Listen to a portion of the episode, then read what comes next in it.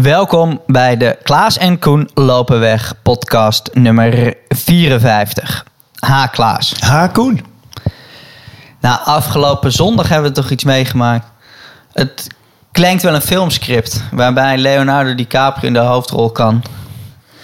Maar dat later in de podcast. Want we beginnen even met eh 11 februari, twee weken geleden. Toen heb ik lekker met Mark door de duinen gerend. Er was er een jarig. En er was er een jarig.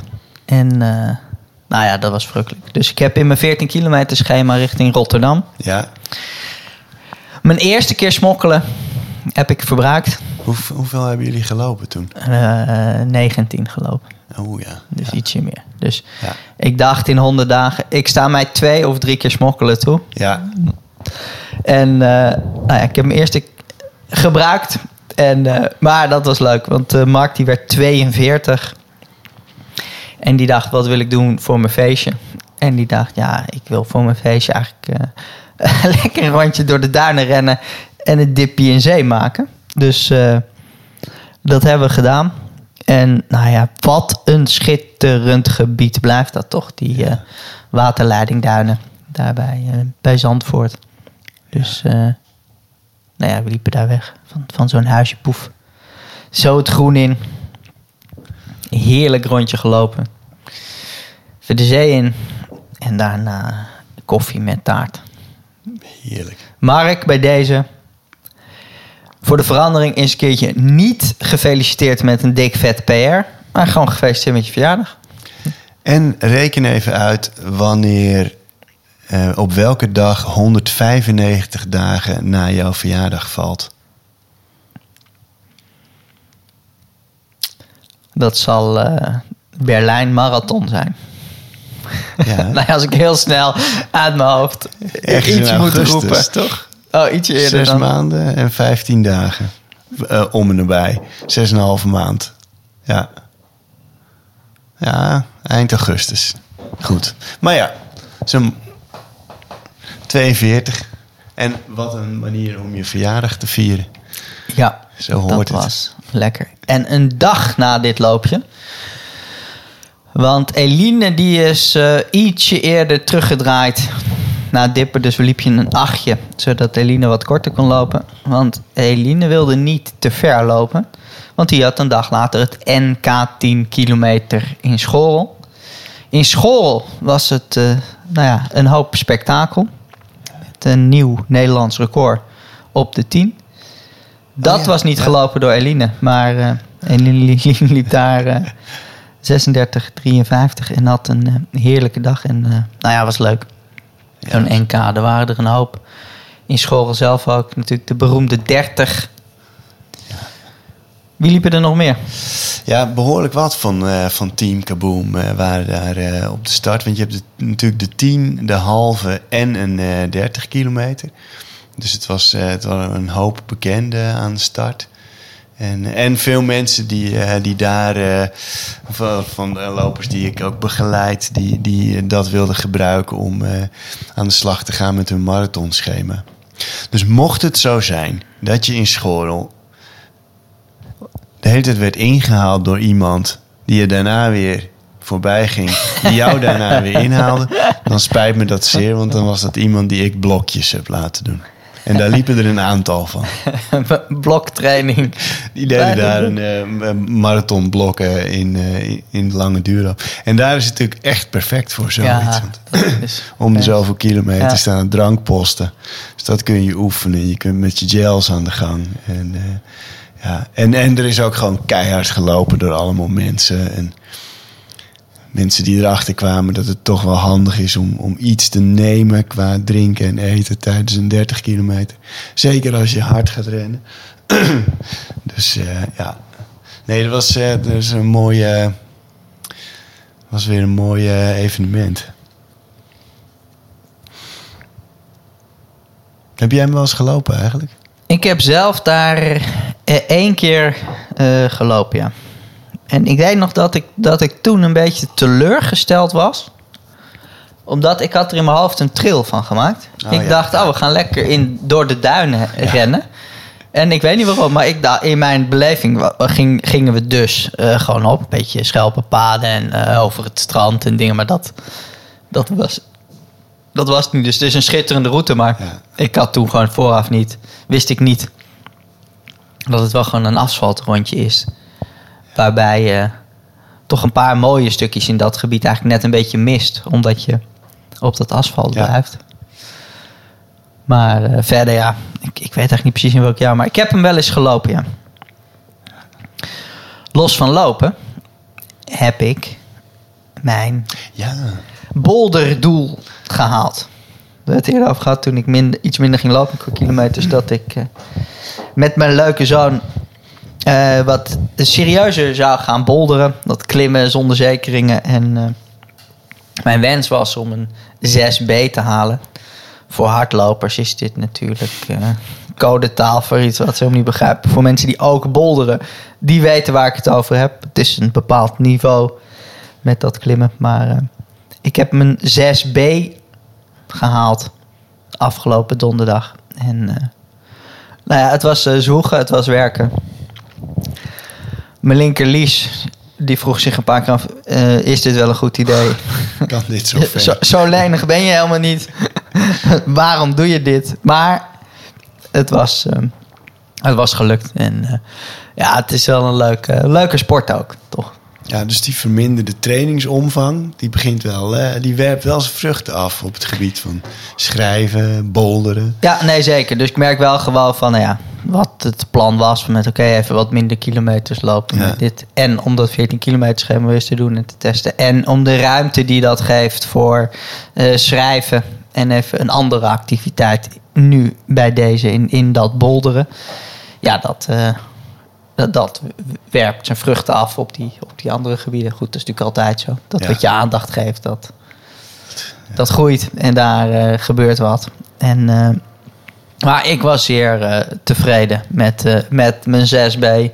Ik had er eigenlijk een paar maanden voor uitgetrokken. Ik denk, ja, als dat ergens gaat lukken de komende maanden, dan is dat leuk. Maar wat dat betreft is het wel zo. Nou ja, dat is met hardlopen natuurlijk ook zo. Dat is met wielrennen heel sterk. En dat is met boulders blijkbaar ook zo. Dat, nou ja, dat als je het, het echt twee keer in de week gaat doen, Ja, vanuit niks ga je het twee keer in de week doen of, of wat vaker. Dat je direct wordt beloond. Dat dat lijf gewoon merkt, ah, gaan we dit doen leuk. En dat je heel snel beter wordt, vaardiger wordt, handiger wordt. Dus dat, eh, dat is leuk. Ik raad jou af om eh, een eh, 6B te proberen eh, de komende weken. Want eh, jij- bent serieus ver aan het lopen. Vorige week 115 kilometer. Nou, als losse week is het al een pokkend. Maar het was jouw vijfde week op rij. Meer dan 100. ja. Begint het ergens te piepen, te scheuren? Fysiek, mentaal? Eh, nou, mentaal is, ja, is soms eh, was het eh, afgelopen week viel dan wel mee, maar ik, ik zeg maar, ik heb om en om weken dat ik Daantje in het weekend eh, dat ze bij mij is. En dat betekent dat ik in het weekend dan geen lange duurloop kan doen. En dan zit ik er wel echt die eh, 100 kilometer week echt zo erin te proppen. En dat vind ik mentaal wel eens even lastig. Ik loop er zelf nooit. Bedoel, ik vind het gewoon lekker om de deur uit te gaan. Maar soms is even het, de puzzel leggen van wanneer ik dan die training doe, is wel, eh, is, is, dat is wel mentaal even lastig. Maar eh, ja, als ik dat gepland heb, is het gewoon, vind ik het alleen maar leuk. En mijn lijf eh, trekt het. En ik weet uit ervaring van het vorige blok dat ik zoveel kilometers liep. Dat je gaat door fases van vermoeidheid heen. En dan op een gegeven moment slaat dat. Ja, voel je gewoon de fitheid komen. En, eh, en dat, is, eh, dat is heel leuk en prettig. En eh, ja, en ja, je, kan, je bent gewoon lekker veel onderweg. Dus dat, dat bevalt goed. Dus afgelopen weekend op zaterdag 30 kilometer gelopen. Met twee mannen van Team Kaboom. Wat heel leuk was, want voor Koen Derks die mee was, eh, die had sinds de marathon van Amsterdam niet meer zo lang gelopen. Dus die, die hikte er geloof ik ook wel een klein beetje tegenaan. Sander, nieuw, nieuw uh, lid van Team Kaboom, was erbij. En net terwijl we daar zo liepen en het hadden over religie, politiek, eh, zingeving, eh, de kerk, noem het allemaal maar op. Toen realiseerde ik me ook, ja, zonder het lopen hadden deze drie figuren hier nooit langs het uh, Amsterdam-Rijnkanaal uh, gelopen met windkracht 5 in hun rechteroor blazend. Maar ja, dat gebeurt dan toch. En dat is mooi. En we waren het over allemaal dingen niet eens. en, en ondertussen ben je iets aan het doen wat verbindt. En uh, ja, dat is toch een heel mooi effect van... Ja, misschien sport in het algemeen. Maar ja, dat heeft lopen wel heel sterk in zich, vind ik. Dat, uh, ja. Dus dat was, dat was super mooi. En al met al een bijna een hele trainingsweek zat er daarmee op. Toen we weer terug waren op de, het startpunt had ik 103 eh, kilometer in de benen.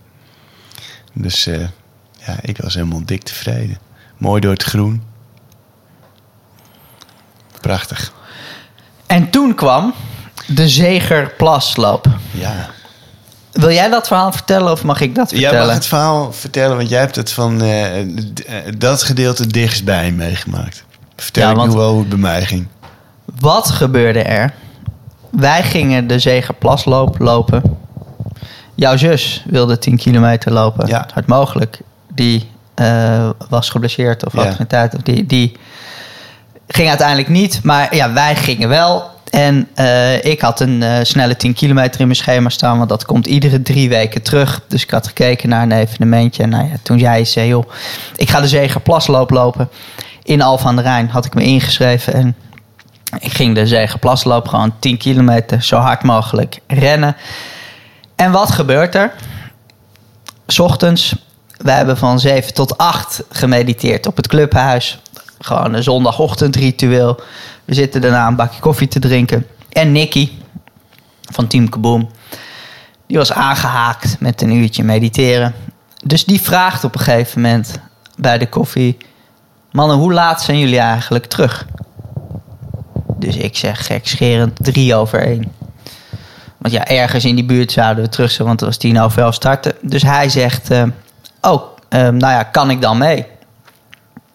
Dus ja, tuurlijk kan je mee, Nicky. Dus Nicky ging mee en Nicky heeft een PR staan op de 10 van 36 minuten. En Nicky dacht, het is wel leuk uh, om een PR te lopen dan, ik ben er nou toch. Dus die start op het nummer van jouw zus.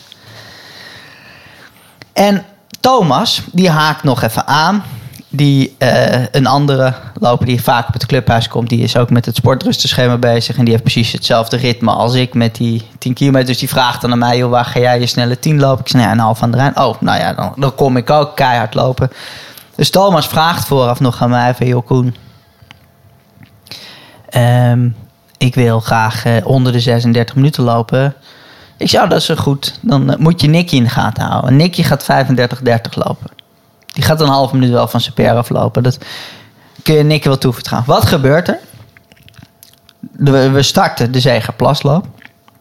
Nou, het was niet een heel uh, sterk en groot deelnemersveld. Dus uh, ik liep vrij snel op kop. Met, um, nou ja, welk tempo liep ik? 3 minuten 25, 3 minuten 26 de kilometer ik ging niet in mijn 33 lopen in de buurt van mijn PR, maar iets rond de 34 minuten. En ja, ik gewoon hard starten en ik, ik doe mijn ding. En op een gegeven moment, na iets meer dan twee kilometer, komt iemand naast me lopen. Dus ik kijk zo naar links. Nicky. Dus ik denk, Nicky, gast. Je start veel te hard. Dus ik dacht, maar goed, Nicky is Nicky. Ik denk misschien dat hij gewoon boom denkt... ik wil een record op de 3 kilometer lopen... of een record op de 5 kilometer. En dan zie ik wel. Maar goed, Nicky die loopt daar. Vier rechtop. Met een blik alsof hij uh, een stukje aan het wandelen is in het park. En die loopt, uh, die denkt na vier kilometer... Ja, maar ja, Koen, dit gaat mij een beetje te langzaam. dus die loopt bij mij weg. En ik denk nog, op dat moment... Ik denk, oh, nou ja, als Nicky daar een stukje vooruit loopt... Dat is wel lekker, dan... Uh, lopen we straks na 6, 7 kilometer weer naar hem toe. En een richtpunt en dingen. Ah, Nicky loopt ietsje verder weg. Iets verder. En ik krijg het op het echt zwaar. Ja, goed, zoals je het op het 10 zwaar krijgt. En nou ja. Ik word op een gegeven moment ingehaald door een gast. En ik pik daar net aan. Nou ja, en ik ging echt helemaal eh, tot het gaatje met die tempo. En Nicky die blijft maar, loopt maar steeds ietsje verder weg. En nou ja, op een gegeven moment... eh, die man met wie ik liep, ja, die liep eigenlijk oncomfortabel hard, vond ik. Maar op een gegeven moment, bij kilometer 7, dacht ik... Ja, Nicky loopt daar. Die zien we gewoon niet meer terug. Dus die- hij gaat gewoon winnen hier. Ik denk, joh, wat een gast, dus dat welke tijd wordt het? En, maar ja, het, het triggerde mij wel dat die, die man die eigenlijk ietsje harder liep dan ik dacht. Ik dacht, ja, maar als Nicky wint, Ja. dan is het eigenlijk wel te grappig als ik tweede kan worden. Dus, nou ja, dit gebeurde. En Nicky die finisht in een tijd van 33,49. Wat natuurlijk absurd is. Als je Ja. tijd, als je record 36 minuten was. Maar eh, die liep zo idioot hard. En ik achteraf en hij van Nicky, hoe kan dit? Nou ja, zoals alleen hij dan kan kijken. En zijn schouders een beetje op kanaal. Ja, ging wel lekker. en die liep dus keihard. En wat blijkt? Hij liep 33,49. Ja. Dat is één seconde sneller. Ja. Eén seconde sneller dan het PR van zijn vader. Ja. Ja, dus nou, dit was al te grappig. A, dat Nicky die wedstrijd won. B, dat hij ineens zo idioot hard liep. C, dat zijn vader 33,59 liep. Allemaal al te grappig. Vervolgens zijn we thuis. Stuurt hij een appje, moet je nou horen. Wat blijkt, Nicky wist helemaal niet dat zijn moeder een fanatieke loopster was. Zijn moeder had lang aan waterskiën gedaan, fanatiek, hoog niveau. Die fietst nu graag, sportief, fit, maar hardlopen, dat is, dat is zijn vaders ding, niet zijn moeders ding. Wat blijkt? Zijn moeder heeft in 1985, in 1985, de Zegerplasloop gewonnen. Ja. Met een krantenknipsel erbij. Waarin dat staat, dat bewijs. Dus Nicky, die wint de zegerplasloop in een absurde tijd. 1 seconde sneller dan per van zijn vader. In die wedstrijd waar zijn moeder ook won. En niet van, joh, ik heb daar heel lang naartoe getraind... en dat wordt een belangrijk ding in mijn. Nee, nee, s ochtends wakker worden, denk je, joh. Ik heb eigenlijk zin om eruit te gaan. Nou ja, goed, die gasten die gaan om 7 uur mediteren. Eh, toch wel leuk. Ik, ik haak een uurtje aan om even een uurtje in stilte te zitten. En ik begin zo de dag.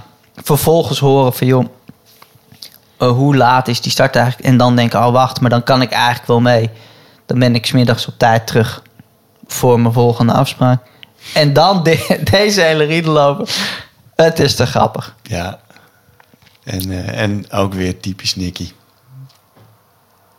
Mooi. Dat was Nicky. Ja. Heel even terug naar mijn hartslagen. Want Ja. dat is toch wel... eh, in de vorige podcast hebben we het er even over gehad. Ja. Over die hartslagen en die polsmeting. En het was niet mijn bedoeling om daar verwarring te zaaien. Maar het is wel goed, denk ik, om nog even daar kort op terug te komen. In de zin van... Ik liep de Zegerplasloop. Ik doe gewoon mijn ding, keihard lopen. Ik had nu een gemiddelde hartslag van 184. Met die Polar H10-band. Ja. Gemiddelde hartslag 184. En je ziet die hartslagcurve in Strava.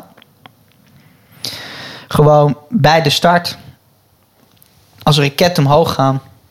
En dan een, vrij snel een tableau worden hoog. Want ik ben de hele tijd diep aan het gaan en aan het pushen. Drie weken eerder bij Uithoren deed ik precies hetzelfde. Gewoon 10 kilometer, boom.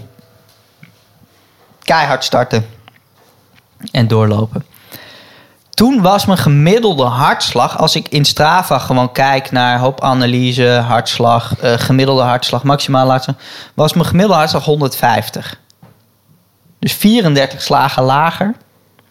Terwijl ik precies hetzelfde deed. En je zag daar in dat hartslagpatroon enorme bergen en dan weer even hoog, dan weer even laag en in het begin vrij vlak. Dus ik doe precies hetzelfde. Mijn hartslag is 34 slagen lager. En hoe is dat verklaarbaar? Nou, eh, simpelweg omdat ik in Uithoren vanuit de pols meten en in uh, Alphen aan de Rijn die borstband om had. En nu zeg ik niet dat die polsmeting altijd slecht is. Zeker niet, want ik weet dat ik mijn hartslagmeter iets te los doe voor die polsmeting. Want ja, ik hou er gewoon niet van om hem helemaal af te knellen en heel strak te hebben.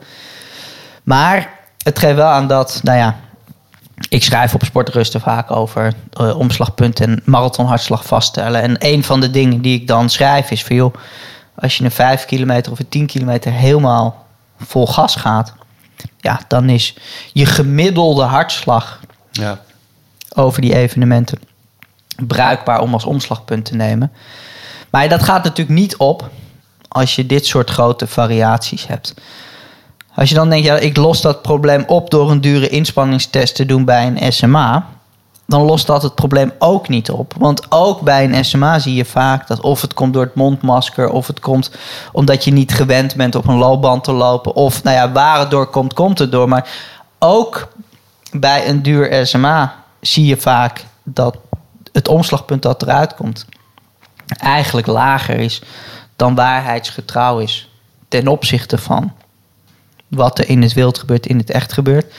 En waarom zeg ik dit? Niet om verwarring te zaaien in dat hele verhaal van hartslagen. Maar als je bij jezelf merkt van... hé, hey, voor mijn gevoel moet ik steeds wel echt heel langzaam lopen. En die hartslagmeter, ja, die begint steeds te piepen, want ik heb die zones ingesteld. Ik moet oncomfortabel zacht lopen en klopt dit wel? En als je ziet van dat bij jezelfde tempo je hartslag de ene keer 15 slagen hoger is dan een andere keer is. En dat je eigenlijk aan alles voelt, ja, maar dit lijkt niet echt te kloppen. Nou ja, dat dan die hartslagmeter is een heel handig instrument om je lijf te leren kennen. Is een heel handig instrument om te zien. Slaat een ademhalingsoefening aan. Wat is mijn omslagpunt? Wat is mijn zone D1, 2, 3? Om gevarieerd te trainen, om beter te worden. Maar ja, het staat of valt wel bij. De hartslag die jij op je klokje ziet, Ja. is dat daadwerkelijk de hartslag van jou, die zo vaak klopt. En ja, eigenlijk is mijn conclusie wel van joh, als je met een hartslag wil trainen en je wil daar van daaruit gaan werken, ja, neem er dan een hartslagmeterband bij. Want met die hartslagmeterband maak hem vochtig, ja, dan wordt het betrouwbaar en interessant en een middel om beter te worden. Maar ja, als je dat niet doet en je meet hem vanuit de pols en dingen, ja, het kan vrij snel dan een bron van frustratie worden. En Ja. ja, het allerlaatste wat je natuurlijk wil, is dat omdat je denkt van, oh, ik ga dat lopen wat serieuzer nemen, ik wil met wat meer toewijding aan de gang en ik wil verbeteren, dus ik ga op hartslag trainen, want iedereen zegt dat dat zo goed is. En vervolgens heb je een maand later er een enorme bron van frustratie bij, omdat je om de haverklap denkt, ja, maar dit klopt net niet, of ik moet de hele tijd alleen maar langzaam lopen. Ja, maak dan heel snel de keuze, joh, of doe niks met hartslag, ga gewoon lekker rennen. Of pak die band erbij en vraag iemand even om hulp om het, nou ja, gewoon dat het klopt. Ja. En dat je een periode gebruikt om vanuit die hartslag je lijf te leren kennen. Want het laatste wat de bedoeling is, is dat je jezelf opzadelt met een bron van frustratie. Terwijl dat lopen gewoon zo lekker en, en Ja. heerlijk is. Nee, ja, daar nog eerst nog even op aansluitend. Als je met cijfers wil werken, dan moeten die wel kloppen. Dat geldt ook voor lopen op vermogen. Ik krijg ook mensen die eh, daar gefrustreerd over zijn. Ik moet zo langzaam. Die zich niet realiseren dat hun critical power dan waarschijnlijk niet klopt. Dus je zult echt een keer, eh, een paar keer, eh, goed gas moeten geven. En, en Kijk, wij houden ervan. Hè? Wij vinden het superleuk om met die getallen ook bezig te zijn. En op die manier te, nou ja, ook te trainen. Eh, maar dat heeft wel ook zijn plaats, zeg maar. het begint er altijd mee eh, dat het lopen leuk moet zijn. En ehm, nou ja, goed, ik heb de afgelopen weken toch ook wel weer een paar lopers gehad die eh, al het cijferwerk en de schema's gewoon als heel knellend begonnen te ervaren. En dan met, met, met die mensen spreek ik dan ook gewoon af van joh, blijf gewoon lekker lopen. Eh, maar eh, met de nadruk daarop. Dus ga gewoon de deur uit, ga een eindje lopen. Als jij zin hebt om eh, 16 kilometer te lopen, doe je dat.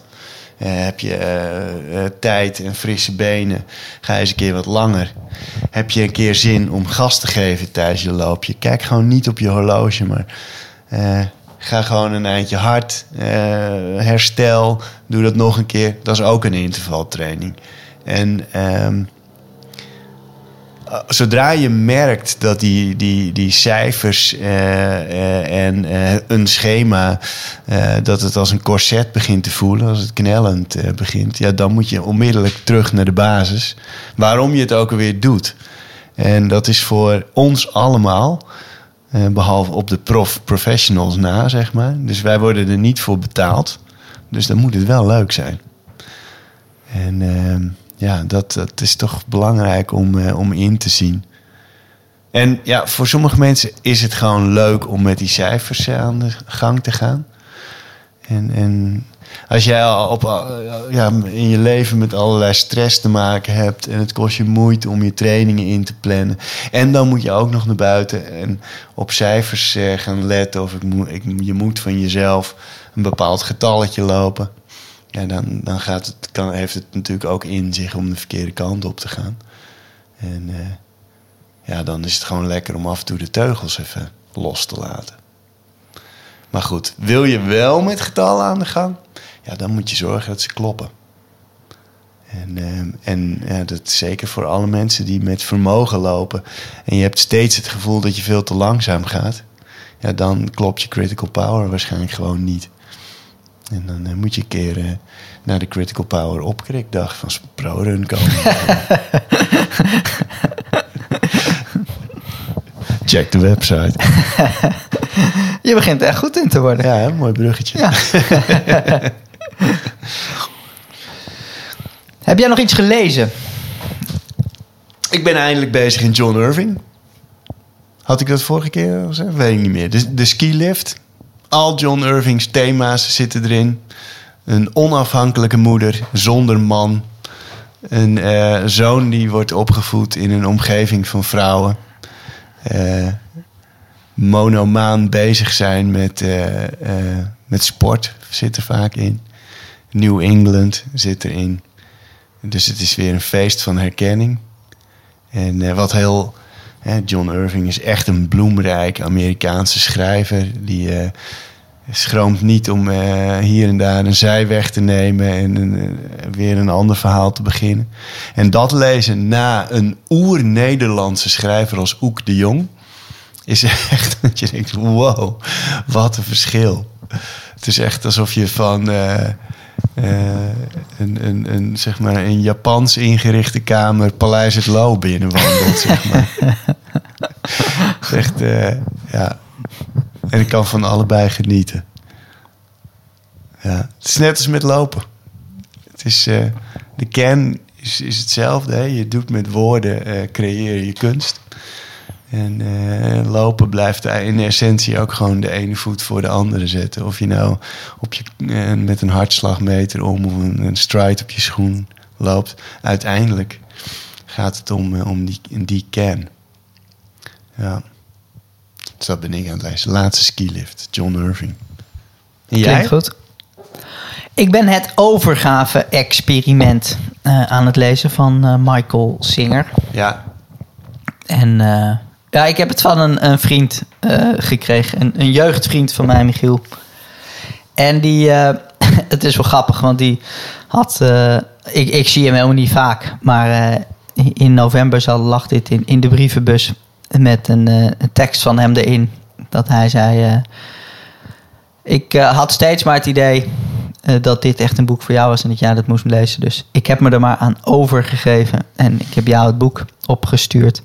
Het overgave-experiment. En ik begrijp wel nu waarom hij dat eh, eh, dacht van... joh, dat is leuk voor Koen om te lezen.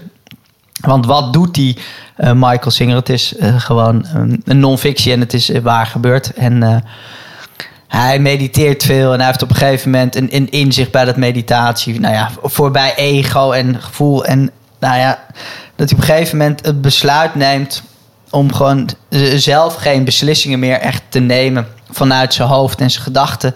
Maar gewoon puur wat er op zijn pad komt. Nou ja, dat hij als hij tekenen ziet van het universum. En hij voelt sterk van, nou ja, dit lijkt een teken. Dan, dan zegt hij gewoon ja, zonder vooraf in te vullen. Nou ja, wat er allemaal gebeurt. En nou ja, hij mediteert heel veel en hij doet veel aan yoga. En een van de voorbeelden in het begin, ik ben er en, nu ongeveer halverwege, die hij dan uh, schrijft is dat hij op een gegeven moment gaat hij tanken met uh, zijn camperbus waar hij ook in woont. En dan ligt er op dat tankstation ligt een kaart van Mexico. Dat is zijn voorganger. Is zijn kaart vergeten, zijn landkaart vergeten. Die heeft hij op, die, op dat tankding gelegd. En nou ja, denk oké, nou ja, Mexico. Dus ja, dat, dat, hij pakt die kaart, die ligt in zijn auto. En dan uh, een paar uur later begint iemand tegen hem vanuit het niets over Mexico. En dan, nou ja, zo drie keer hoort hij op die dag iets over Mexico. En dan denk ik, ja, blijkbaar is dit een teken. Ik moet naar Mexico. En dan, nou ja, zonder plan, zonder idee. Maar dan denk ik, nou ja, als dit in zo'n korte tijd drie van dit soort signalen met Mexico, dan moet ik daar blijkbaar heen. En nou ja, gaat hij daarheen en gebeuren er allerlei mooie dingen. En de reden, denk ik, dat Michiel dacht, joh, Koen vindt dit wel leuk om te lezen, is omdat ik. Ah, dronk koffie met hem vlak uh, voordat uh, ik ProRun over ging nemen met Mark. En ik zat daar zo tegen Michiel. Michiel zei, ja, zijn er nog nieuwe ontwikkelingen? En uh, ik vertelde zo over, ja goed, er is een website voor hardlopers. En iemand vraagt of ik dat over wil nemen. Maar ja, het is wel een flink bedrag om die website over te nemen. Maar ja, het heeft wel veel bezoekers. En alles in mijn hoofd zei: dat is echt geen goed idee. Wat moet ik met een website? Ik ben ook niet echt een ondernemer die nou denkt van, nou ja, ik, moet groeien in meer websites en dingen. Ik was net bezig weer met een nieuw boek. En ik was gewoon lekker aan het schrijven en sportrusten. Nou ja, dat liep allemaal prima. En ik gaf lezingen over ademhaling en lezingen over kou. Dat was ook toen mijn boek met Wim Hof net bekend werd geworden. En ik zat een beetje zo te kijken van, nou ja, het loopt allemaal wel en het is gewoon druk genoeg met alles wat er is. En een nieuw boek en die lezingen en die website en dingen. Ik denk, ja, wat moet ik met nog een website erbij? Maar ja, intuïtief dacht ik wel hoe het allemaal samenviel op het moment dat ik dacht, ja, maar het lijkt er wel op dat ik dat maar moet doen. Maar ik vond ook wel veel geld. Ik denk, ja, het was ook wel gewoon een risico om dat zo'n platform over te nemen te doen. Dus die Michiel die vriend van mij, die, die appt mij een maand later. En heeft je hoofd gewonnen. En heb je die website niet overgenomen. Of heb je vanuit je intuïtie toch maar uh, dat gedaan? Ik zei, nou ja, ik heb maar geluisterd naar mijn intuïtie en dacht, blijkbaar moet dit nu. Dus ik heb het maar gedaan. En nou ja, uh, zie ons hier nu zitten met, nou ja, achteraf ben ik erg blij dat ik het heb gedaan. Want nou ja, met jou nu als dat gezicht van ProRun en om die lopers die dat PR willen lopen willen doen en mooie stukken schrijven daarvoor en dat clubje waarmee we dat nu doen. En ja, toen ik die website kocht hadden we helemaal nog niet dat clubhuis, maar hoe dat nu dan allemaal samenkomt, dat je dan ja. vanuit de Pilotenstraat nummer 70 in Amsterdam lekker bezig bent met lopen en die PR's en stukken schrijven en informatie, nou ja, eh, verzamelen en lekker lopen en onderzoekjes doen en, uh, en testjes doen. En dan vanuit die verschillende hoeken met sportrusten en progen en Mr. Kommaals gewoon lekker bezig bent met dat lopen en daar mooie verhalen mee kan maken. Ja, hoe leuk is het nu allemaal? Maar ik ben blij dat je het gedaan hebt. Ik had dat zelf toen allemaal niet zo kunnen bedenken, maar... Ik dat is heb, overgave. Uh, ik heb me eraan overgegeven en het was een goed idee. Ja. Dus het overgave-experiment. Ik heb het nog niet uit, maar het is wel, nou ja, het is uh, aanstekelijk. En het past ook wel goed bij het boek dat ik nu aan het schrijven ben, Tem je brein, om wat minder naar al die gedachten te luisteren en die al dat denken iets minder serieus te nemen. En er bewust van te zijn ja, dat er gewoon ook echt wat dingen Ja, naast zijn vanuit dat lijf en intuïtie. Of nou ja, hoe je het noemt, noem je het. Maar ja. God, misschien als je 30 kilometer gaat lopen met twee andere types. Goede zetten over wat is God en is God hier? Meende weer. Of is dit vage shit? Ja. Of intuïtie? Of is het toeval? Of nou ja. Hoe we het noemen, noemen we het. Maar er is een hoop meer moois dan al dat denken. Ja. Waar we vooral heel goed in zijn. En wat we heel serieus nemen. En dit is daarin een mooi voorbeeld van iemand die dat tot in extreme nou ja, heeft gedaan. En eh, wordt Tof. vervolgd. Ik Terug naar vandaag. Ja. Jasso's. Nee, Ja. maar ik heb me net aangemeld voor de training.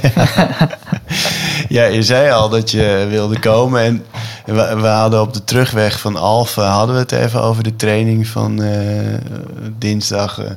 Volgens mij, je noemde het hier gewoon eh, en passant als voorbeeld van... eh, eh, ja, bijvoorbeeld een paar keer 800. Toen dacht ik, ja... Ik was dus van plan om dinsdag jassaus te doen. Maar ik vind het eigenlijk niet leuk als mensen al weten wat het wordt. Dus, maar goed, blijkbaar hing het al in de lucht. dus toen heb ik het ook maar gewoon in de, in de groepsapp gezegd: van dit is wat we gaan doen. En, dus ik ben heel benieuwd wie er vanavond komt opdagen. Om acht, acht vondeljasso's. Niet zomaar jasso's, maar vondeljasso's te Nou, doen. Ik ben erbij. Dus het wordt voor mij weer flink heen en weer eh, rennen om te kijken of ik iedereen kan klokken. Dus eh, dat wordt weer eh, ouderwets, eh, ouderwets leuk. hey, en, en nog iets anders. Want ik hoorde jou net al in de opsomming over het clubhuis ook even Mystical Miles noemen.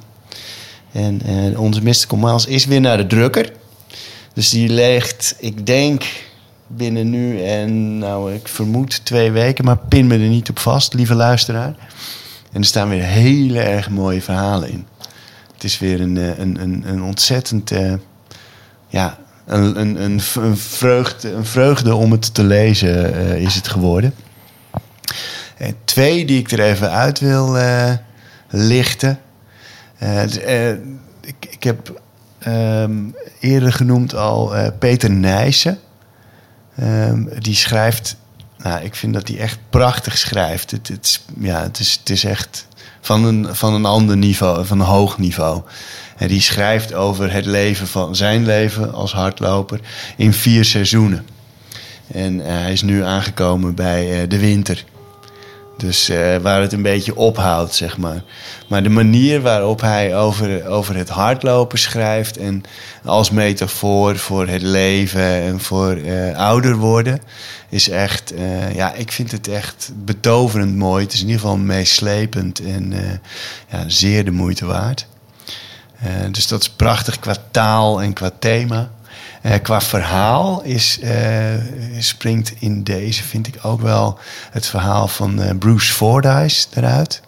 Een Zuid-Afrikaanse hardloper, ultraloper. Die ehm, ehm, ja, heel wereldberoemd is geworden vanwege zijn protest tegen het apartheidsregime tijdens de Comrades Marathon.